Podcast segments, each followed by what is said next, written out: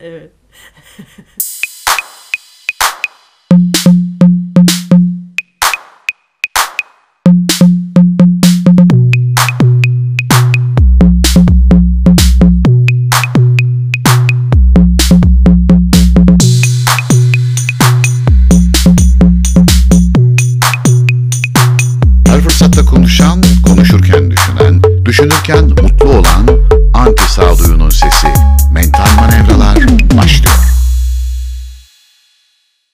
Merhabalar sayın dinleyiciler. E, Mental Manevralar hoş geldiniz. Hoş geldiniz Biriz Hanım. Nasılsınız? Öncelikle iyi misiniz? Hoş buldum. Teşekkür ederim. İyiyim. E, bugün Bergman hakkında konuşacağız. Böyle Bergman hakkında bir program dizisi yapmayı planlıyoruz. E, biraz daha e, Bergman'ın sanatı üzerine, Bergman'ın hayat hikayesi üzerine, Bergman'ı neden önemsiyoruz? E, Bergman tabii öncelikle kim? E, bizim yaşamımızdaki yerine, bir sinemacının yaşamındaki yerine e, Bergman'la ilgili bunları konuşacağız bugün. E, siz benden daha büyük bir Bergman hayranı olduğunuzu iddia Evet. ettiniz. Ben de e, edepli bir şekilde susuyorum şimdilik ama e, Evet, şey e, ilerleyen zamanlarda Bergman konusunda birbirimize girersek e, bu konunun e, şeyini ne derler e, kararını dinleyicilerimize bırakırız. E, bugün Bergman hakkında ben biraz daha moderatör olacağım. Bir hanım size anlatacaksınız diye tahmin ediyorum. Tamam. E, Bergman'ın sanatı üzerine ve Bergman'ın e, bakış açısı üzerine. Peki şimdi sizden Bergman'ı bir tanıyalım kısaca. Bergman'ın hayat hikayesini bir dinleyelim sizden. E, Neler söylemek istiyorsunuz bu konuda? Şimdi e, Bergman benim için gerçekten çok önemli bir yönetmen. Yani çok yıllar önce tanışmıştım onun sinemasıyla. E, gençlik yıllarımda diyebilirim. Ama o zaman tabii hani hayranlığım bu kadar fazla değildi. Daha sonra iyice sinemayla ilgilenmeye başladıktan sonra e, daha da dikkatimi çekmeye başladı. E, hemen hemen bütün filmlerini izledim diyebilirim Bergman'ın. Tabii Ki bulamadığım- da çok fazla film var. Evet evet çok fazla. Ee, bulamadığım filmleri de oldu tabii ama onları da böyle yabancı kaynaklardan e, direkt İsveç diliyle yani işte İngilizce bile bulamadım ama işte sadece görüntülerine bakarak bile izlediğim olmuştur. Ee, benim hatta sinema okumaya karar vermemdeki itki de birazcık Bergman'dır. Yani onun sinemasına o kadar hayranım ki belki o yüzden bir e, sinemacı olmak istedim. O şekilde bile değerlendirebiliriz Bergman'ı. Şimdi çok büyük bir yönetmenle karşı karşıyayız. Ee, hani ona neresinden başlasak belki e, 20-30 tane program yapmamız lazım Bergman'ı anlatmak için ama Tabii. daha böyle kısa işte e, bahsedebiliriz Bergman'dan. Önemli konularını, en önemli filmlerinden bahsedebiliriz. Dönemlerinden bahsedebiliriz. E, hayatının dönemlerinden ve e, sinemasında dönemleri ayrılıyor çünkü Bergman'ın. Şimdi bir kere Bergman Time dergisi tarafından 2005 yılında yaşayan en büyük yönetmen olarak nitelendirilmişti. Yani sadece bu benim fikrim değil. Tabii bütün dünyanın tanıdığı e, bir yönetmen. Bundan iki yıl sonra yani 2007 yılında ölünce yaşamayan en büyük yönetmenler arasına girdi. Yani bir kere e, bundan bahsetmek lazım. E, filmlerin hemen hemen hepsinde gördüğümüz üzere son derece kişisel ve açık bir adamla karşı karşıyayız.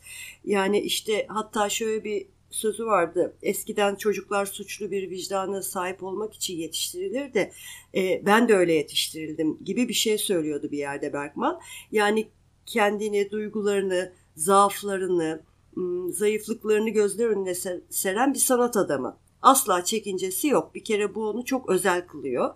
Ee, çok sert bir disiplinle yetişmiş ve sevgisiz büyümüş olması onu böylesine müthiş bir yönetmen yapıyor. Ee, kitaplarından da zaten bütün çocukluğunu, bebekliğini hatta doğumundan itibaren bütün hayatını e, rahatlıkla okuyabiliyoruz. Onlarla ilgili linkleri de veririz zaten. Ee, bu kitaplarla ilgili hang- hangilerini okumaları gerektiğini. Evet. Ee, şimdi kız kardeşiyle e, eğlenmek için oynadıkları kuklacılık e, çünkü evde tek sahip oldukları oyuncak kukla. Yani Ee, İsveç on- kültürü zaten tırnak içinde Evet. çok Akdeniz kültürü bir kültür, kültür değil. Yani Akdeniz kültüründe e, kusura bakmayın lafı araya girdim direkt. Ben. Yok yok Akdeniz kültüründe estağfurullah. e, insanın e, tefekkür etmesi için yeterli bir zaman yok. Zaten çok coşkulu bir kültür, çok geveze bir kültür. Ama Evet. İsveç kültürü insanın e, tefekkür etmesi için, işte kendi kendiyle baş başa kalması için, belki vicdan azabıyla kendi kendine baş başa kalabilmesi için işte Hı hı. fazlasıyla şey bir kültür. Kuklacılık da aslında bir yerde bence böyle bir şey birazcık. Hani o tırnak içinde İsveç'in beyaz sıkıcılığını e, tarif eden bir durum. bir zamanda. durum. Evet aynen. Yani bu kuklacılık e, onu anlatı sanatına yönlendiriyor aslında. Yani bir ifade aracı buluyor kendince.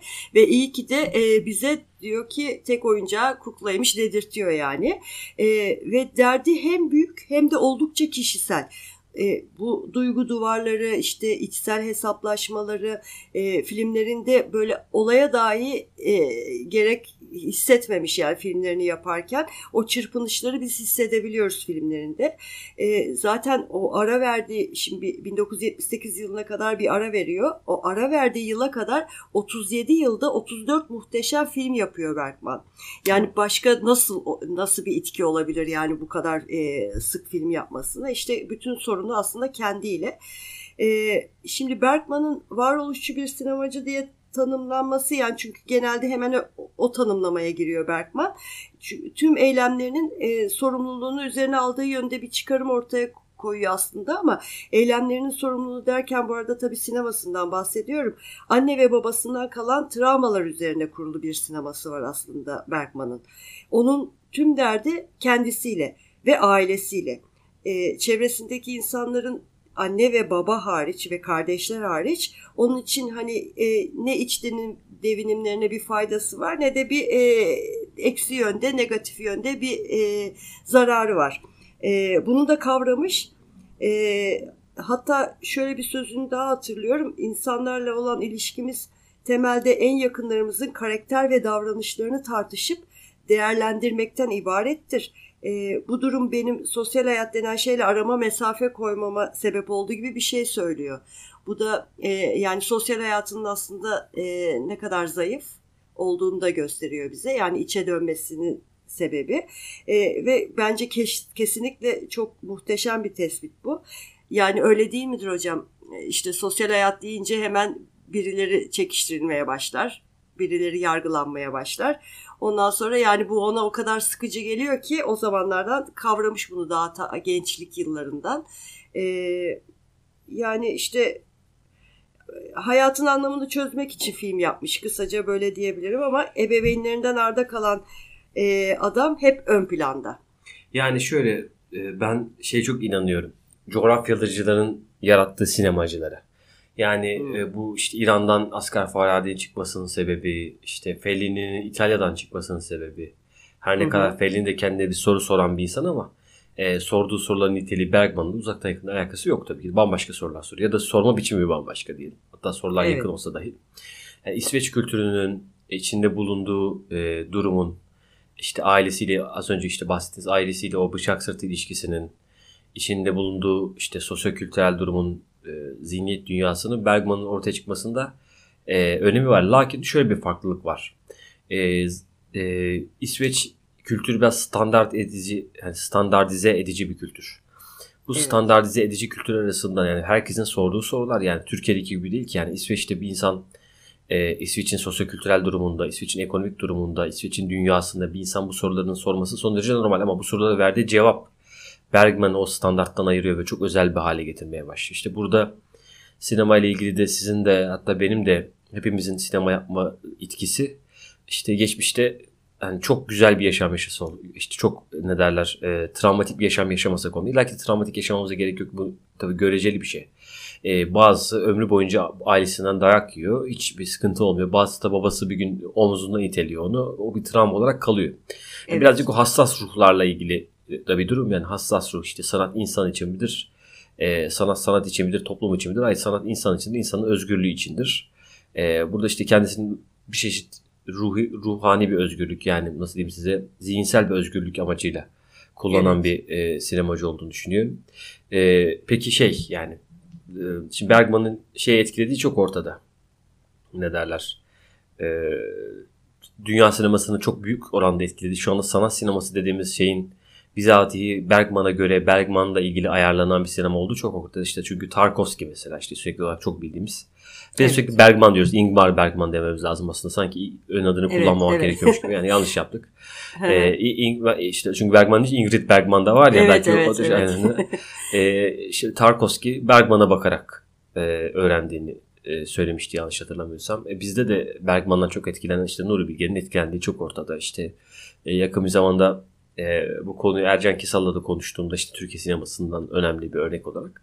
O da. Bergman'ın kendisini etkiledi işte. Tarkovski'nin kendisini çok etkiledi. Bir de şeyin e, bizim Polonya'da e, Kişinovski'nin kendisini çok etkilediğini söylemişti. Hmm. Kısacası Bergman'ı etkileyen bir şeyiz. Bir de aynı zamanda bu Kişlovski'den de- değil mi? Evet Şey, kesinlikle. İşte- Ercan işte Kesal değil mi? Ercan Evet, evet. Ercan Kesal. Zaten bu son filmi de onunla çok şeydi. Yani böyle bir te- özellikle biçimsel olarak çok teşneydi Kişinovski sinemasına.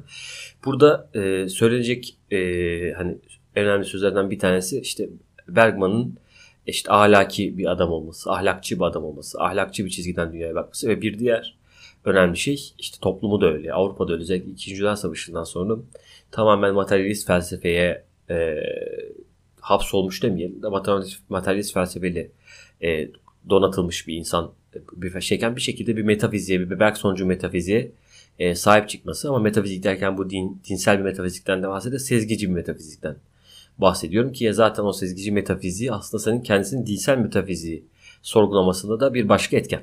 Şimdi çok Evet. uzattım. Şimdi Yok. bir tırnak içinde bir geyik soru sormak istiyorum size e, bu konuyu merak ettiğim için. En sevdiğiniz film Bergman filmi nedir? Bu çok zor bir soru. Evet. Ee, evet. En sevdiğiniz hatta ilk üçünüzü yapar mısınız? Bir ona göre konuşmaya devam edelim. Yaban çilekleri. Üç, üç mü? Ee, bir benim. Birinci En yani. en, yaban en sevdiğim yaban çilekleridir. Evet. Ee, Monica ile bir yazı çok seviyorum. O da bir e, aşk filmi aslında böyle nadir yaptığı film aşk filmlerinden ben biridir. izlememiştim onu mesela. Kendini tüketen bir aşkı anlatır. Ee, ben onu bir de çok seviyorum. Bir de yedinci mühür tabii. Yani üçüncüye de yedinci mühür diyebilirim. Aslında böyle çok zorlama bir e, üç oldu benim için. Evet ben Böyle personel arada söylemediniz mesela. Ben personel Evet, söyleyeceğinizi düşünmüştüm. Evet persona da var mesela ama işte hani ilk üçe bunu koyabilirim. Zorlama koyuyorum ama yani dediğim gibi e, sevmediğim, beğenmediğim çok ender filmleri vardır Bergman'ın. Evet Her yani biri- kendisinin evet. çok çok hızlı bir şekilde çektiği belki de hani çünkü her yönetmende küçük atışlar olabiliyor öyle hani. Evet, evet. Kubrick bile işte Berlin'den problemli bir film tırnak içerisinde. Ben de e, ill- illaki de e, bir Bergman listesi yapacaksam ben de 7. mühürü işin içine katarım kesinlikle. Hı hı. Bir Hı de hı. e, aynanın içinden yanlış hatırlamıyorsam evet. Türkçe Evet, öyle doğru. çevirmişti. Aynanın içinden e, katabilirim diye tahmin ediyorum. Bir de ben bu Fanny and Alexander'ı çok seviyorum.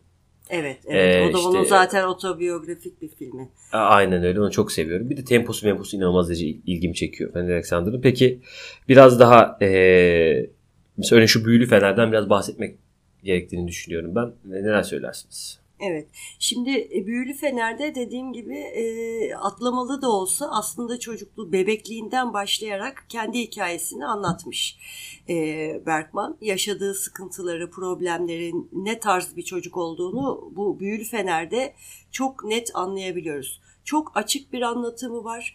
E, hiçbir şekilde e, bir şeylerin altına gizlenmemiş. Hani biraz e, otobiyografilerde öyledir ya hani hepsine de tam e, güvenemeyiz bazı şeyleri abartı buluruz falan ama Bergman'da asla öyle bir şey yok. Yani öyle şeylerden bahsediyor ki yani vay be bunun da nasıl söyledi acaba e, dediğimiz şeyler var. Mesela kız kardeşini öldürmesinden bahsediyor. Yani bu herkesin e, kolay kolay e, yapacağı bir şey değil. Ne kadar çocuk yaşta olsa da işte sanırım o zaman 4 ya da 5 yaşındaydı. Abisiyle plan yapıyorlar. E, evet çünkü bir kız kardeş geliyor. E, onu da anlatırız. Onun travmasını konuşuruz ama hani böyle bir özet geçeyim.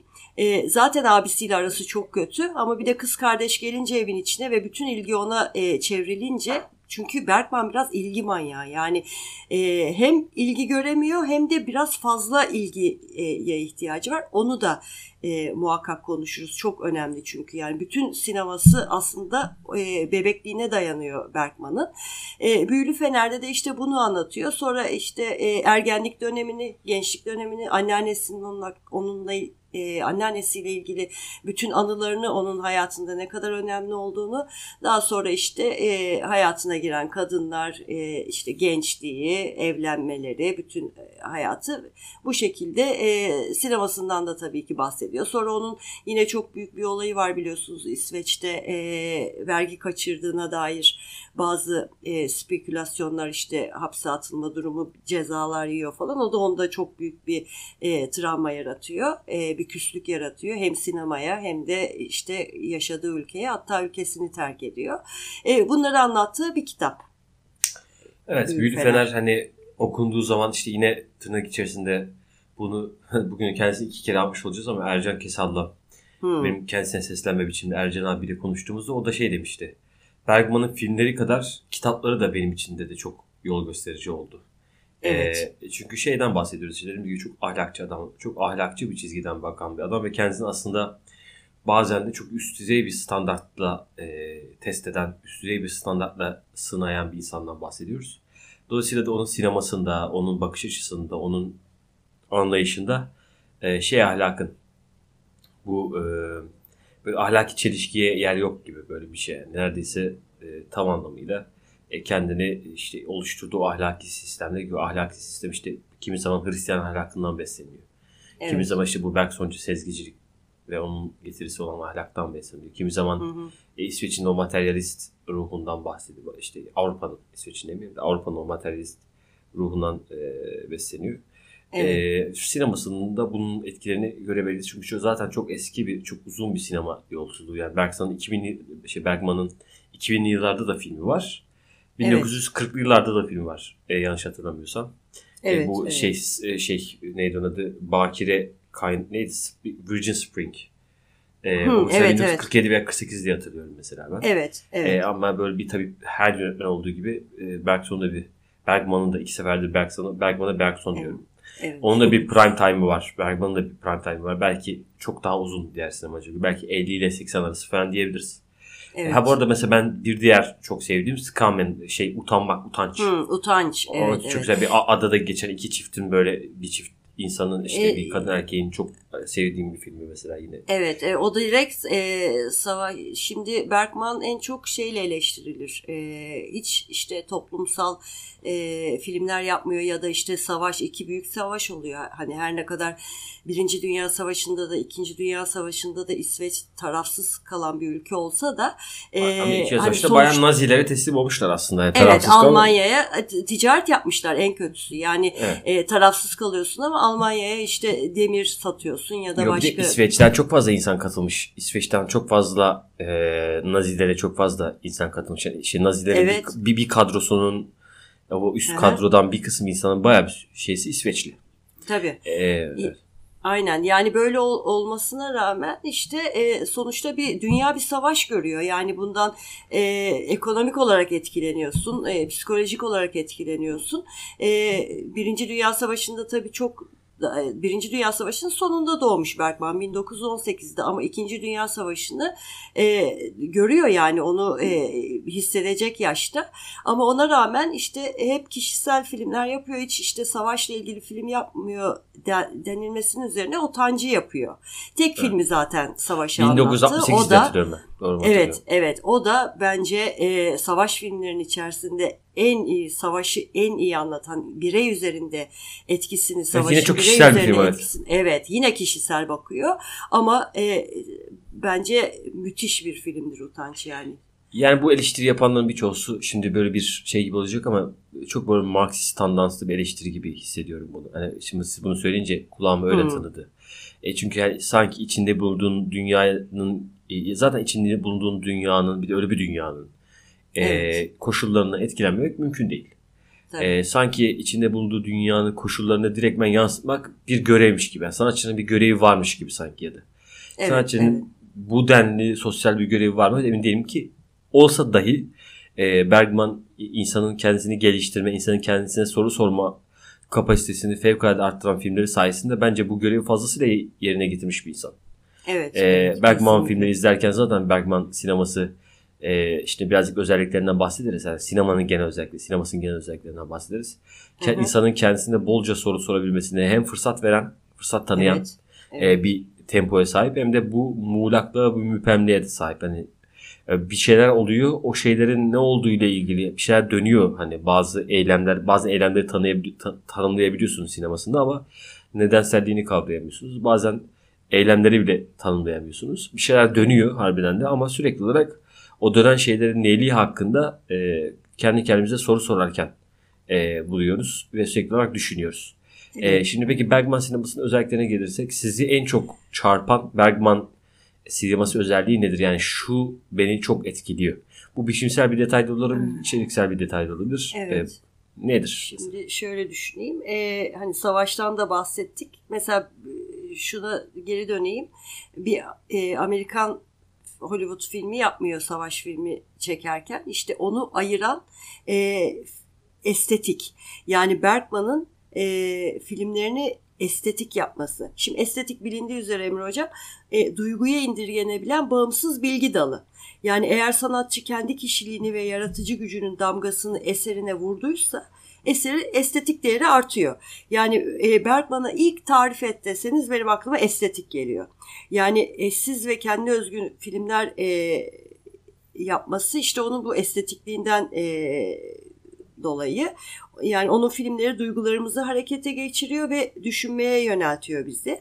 Şimdi e, hani etik idealleri ifade etmenin yollarını araştırmalıdır der ya Tarkovski sanatçı için. Yani evet. genel genel geçer kurallar aramak yerine e, ifa, kendi ifade etme yollarınızı bulun der e, o da bir, çok büyük bir yönetmen biliyoruz Tarkovski. Aynen onun da yaptığı bu aslında Bergman'ın. E, çözümlemeye çalışırken aslında Bergman'ı kendimizi biraz söylediğiniz gibi e, çıkmazlarımızı, açmazlarımızı çözüyoruz biz onun sinemasında. Yani onun filmlerinin psikanaliz çözümlemeye ihtiyacı var e, bu açıdan bakıldığında. Yani özellikle onun bilinçaltının dışa vurumu ve ruhsal dünyası açısından e, ilk önce e, onu anlamaya çalışmalıyız. E, yani aynı şekilde karakterler ve içerik de mesela aynı e, Da Vinci ya da e, Shakespeare e, yine Tarkovski, Dostoyevski gibi gibi gibi çözümlemeye ihtiyaç duyuyor. E, kült sanat eseri yani mesela neden işte le, yani le, sinemada böyle bir durum var ya sinemanın ne yazık ki bir eğlencelik tarafı da var. Sanki evet. sinemanın eğlencelik tarafı olması sine, bazı sanki tüm sinema filmlerinin sanat eseri konusunda e, sanat eserliği kadar eğlencelik e, çalışmalarda olduğunu insanlar düşündürüyor ama e, Bergman'ın yaptığı filmlerle e, işte Velázquez'in ya, yaptığı e, çizdiği tablolar arasında hiyerarşik bir alt üst ilişkisi kuramayız veyahut Caravaggio'nun çünkü o da e, sanat direktmen sanat, öz sanat. E, evet. Bergman da sanat. Zaten alıcısından da belli yani işte ya da ne bileyim e, çok sevdiğim için şu anda torpil geçiyorum kendisine. Rahmaninov'un e, hmm. işte konçertoları da çok ciddi sanat eseri. İşte Caravaggio dedik de sanat eseri. Bergman da yani burada Bergman'ın durumunu o kült resimde yani en üst, yüksek kültür resimde, evet. en yüksek kültür müzikte, en yüksek kültür heykelle Bergman'ı rahatlıkla yan yana koyabiliriz. Hatta e, öne de çıkartabiliriz e, toplumsal koşullar bağlamında e, öne de çıkartabiliriz. E, ben hani buradan bakınca biliyorsunuz ben sinema ve felsefe dersleri veriyorum aslında. Evet. E, ben buradan öne çık hani işte Bergman'ın siz dediniz ki estetikliği e, Bergman'ın estetik üzerinden şey yapıyorum. Hani belki bunu tabii bir tanesini şu anda ben biraz magaziner soruyorum ki hani biraz spekülatif olsun diye. Ben de illaki bir Bergman özelliği söyleyeceksem, bir Bergman'ı beni e, çarpan özelliği söyleyeceksem Evet. E, minimallik. Çünkü hmm. bana kalırsa minimalizm yetkinleşme ile ilgili bir şey. Yani çünkü e, şimdi senaryo derslerinde şey gösteriyoruz. E, işte bir sürü senaryo yazım tekniği gösteriyoruz. İnsanların aklına onlarca, yüzlerce, binlerce fikir geliyor. Bir de genç dimalar. Daha da çok fazla fikir geliyor. E, hepsinin bazılarının çok başarılı bir şekilde bu fikirleri yazdığını görüyoruz ama şunu çoğunlukla yapamıyorlar. Hangi fikri atmam gerekiyor? Hı hı. Çünkü orada sadeleştirme dediğim şey yetkinlik yani ben neyi atabilirim e, konusu yetkinlik yani birazcık aslında ben neleri e, filmime koyarım ama daha da önemlisi ben filmimi ne, nelerden uzaklaştırırım e, şey çok önemli. Bu da işte bizim minimalizm işte minimalizme bizi götürüyor, minimalliğe götürüyor. Bir şey evet. sadeliğe götürüyor. Bu sadelik hem bize düşünme fırsatı tanıyan bir sadelik. Hem, hem de bizi kafayı e, çalıştırma fırsatı tanıyan. Fırsatı buluyor. Hem de şey de e, ben çok ağlıyorum. Bilmiyorum sizde de aynısı oldu mu? Bergman filminde ben çok ağlıyorum. evet herhalde. Yani ben hüngür hüngür gerçekten. ben yani zaten hep böyle çok ağlıyorum. melodram izliyormuş gibi hani izleyen derler ki ne oluyor işte birisi mi ölüyor birisi mi ağlıyor. Hiç öyle bir şey yok aslında efendim. Uzun uzun adam yürüyor. Evet, gerçekten evet. ama bu beni inanılmaz derecede ağlatıyor. Çünkü sürekli olarak zihnimizi film ilk 7. 8. dakikada zihnimizi işte zihnimiz demeyelim de ruhumuzu Hı-hı. belki de diyebiliriz. Yani ben kelime kelime olarak sevdiğim bir kelime değil ruh. Ama ruhumuzu diyelim. Ruhumuzu böyle açıyor film gerçekten de sonuna kadar. Sonrasında içinde gezinmeye başlıyor. İşte her şeyi e, bizzat işte bizatihi kendinizle ilişkilendirirken buluyorsunuz. İşte oradaki aslında kültürel olarak size hiç benzemeyen anneyi annenizle ilişkilendiriyorsunuz. Babayı babanızla ilişkilendiriyorsunuz. Eşi işte sevgiliyi eşi eşinizle sevgilinizle ilişkilendiriyorsunuz. E, fevkalade bir aslında e, bir, bir ayna hani gel bir ayna durumu varsa ki zaten hani Bergman'ın da e, sinemasında bu aynanın ayna dediğimiz şeyin de yeri fevkalade önemli. Çünkü işte bir hesaplaşma, bir kendi kendine bakma durumu, sürekli olarak ahlaki olarak kendi kendini test etme durumu. Ha ben de söylersem e, minimalizm. minimalizm üzerinden gidebilirim Bergman e, şeysine. Ama tabii zaten kısa bir film tane yapmak da o yüzden bu kadar zor ya hocam işte minimalist olmak durumundasın yani kısa filmi yaparken. Tabii yani minimaliz, minimal olmak bir şey de değil. Ama evet bunu 15-20 dakikada anlatmak da işte buna e, denk geliyor yani. Evet yani evet. bir minimalizm şey de değil demek değil yani işte az olmak anlamına geldi. Yani evet, aslında evet. çok klasik, klasik bir ifade belki de öz olmak anlamına geliyor. İşte çok az şey ifade çok az şey ifade ederek yani kakafonik olarak e, olmayarak işte ne bileyim çok fazla parlamayarak çok fazla e, nesne koymayarak çok fazla yüklü e, şeyler ifade etmek, çok fazla yüklü düşünceler, çok soyut şeyler ifade edilmek anlamına geliyor ki sanırım benim de Bergman'la beni tanıştıran şey. E bir de ben beyaz çok severim yani filmlerin bu denli beyaz olması, siyah beyaz olması, sonrasında beyaz tonlu ağırlıklı olması. Beni aşırı mesela Güz Sonatı mesela sürekli şu anda aklıma geliyor sürekli. Bir de iki Oo, kişiyiz evet. konuşuyoruz ya Güz Sonatı akla geliyor. Gerçi ikimiz de şeydeyiz. Anne kız olsaydı iyi olurdu burada ama öyle bir durumumuz da yok. E, evet, Güz evet. benim aklıma çok fazla geldi şimdi mesela. Evet. E, mükemmel bir eser gerçekten de. E, e, şimdi bu Bergman'ın bir giriş mahiyetinde bu programı eğer sizin de ekstradan başka söyleyeceğiniz bir şey yoksa bir şey bitirelim. E, bir sonraki programında ne konuşacaktık? Persona mı konuşmayı planlıyorduk? E, yani bakalım. Evet ya, şimdi benim ilk üçüme girmese de en önemli filmi ve en çok okunan filmi, çözümlenen evet. filmi, bütün işte derslere, tezlere, makalelere konu olmuş filmi Persona olduğu için bence de e, Persona'yı konuşuruz. E, biraz daha Bergman'dan yine bahsederiz. İşte e, onun sanatsal e, gücünden. Ondan sonra sinemasının dönemleri var mesela o da çok önemli. Ha, ondan bahsetmedik mesela Persona'dan evet. bahsetmeden önce biz zor gireriz Persona'ya ikinci programda da gibi geliyor ama evet, bakalım. Öyle geliyor. O dönemlerinden Hayırlısı. bahsederiz. Ee, ondan sonra da Persona'yı okuruz. Tamamdır o zaman. Ee, Birizem çok teşekkür ederim bu ilk yayınımız ben teşekkür için. Ederim. Ee, Bergman'la, İmbar Bergman'la ilk yayınımız için. ee, bu ilk yayın hani bu ilk e, Bergman programı dinlendiğinde insanların fikirleri neler olacak? Ee, yani öyle insanları Bergman'la tanıştırmak gibi bir misyonumuz var mı yok mu bilmiyorum ama sanırım evet. birazcık daha kendimizi ifade etmekle ilgili bir misyonumuz da var. Ee, çok merak ediyorum şu anda ee, nasıl evet. bir, bir geri dönüş alacağımızı. Ee, herkese iyi akşamlar veya günaydın artık programımızı ne zaman dinlerseniz o evet. zaman dilimin iyisini diliyoruz. Ee, kendinize çok çok iyi bakın. Görüşmek üzere. Hoşçakalın. Görüşmek üzere.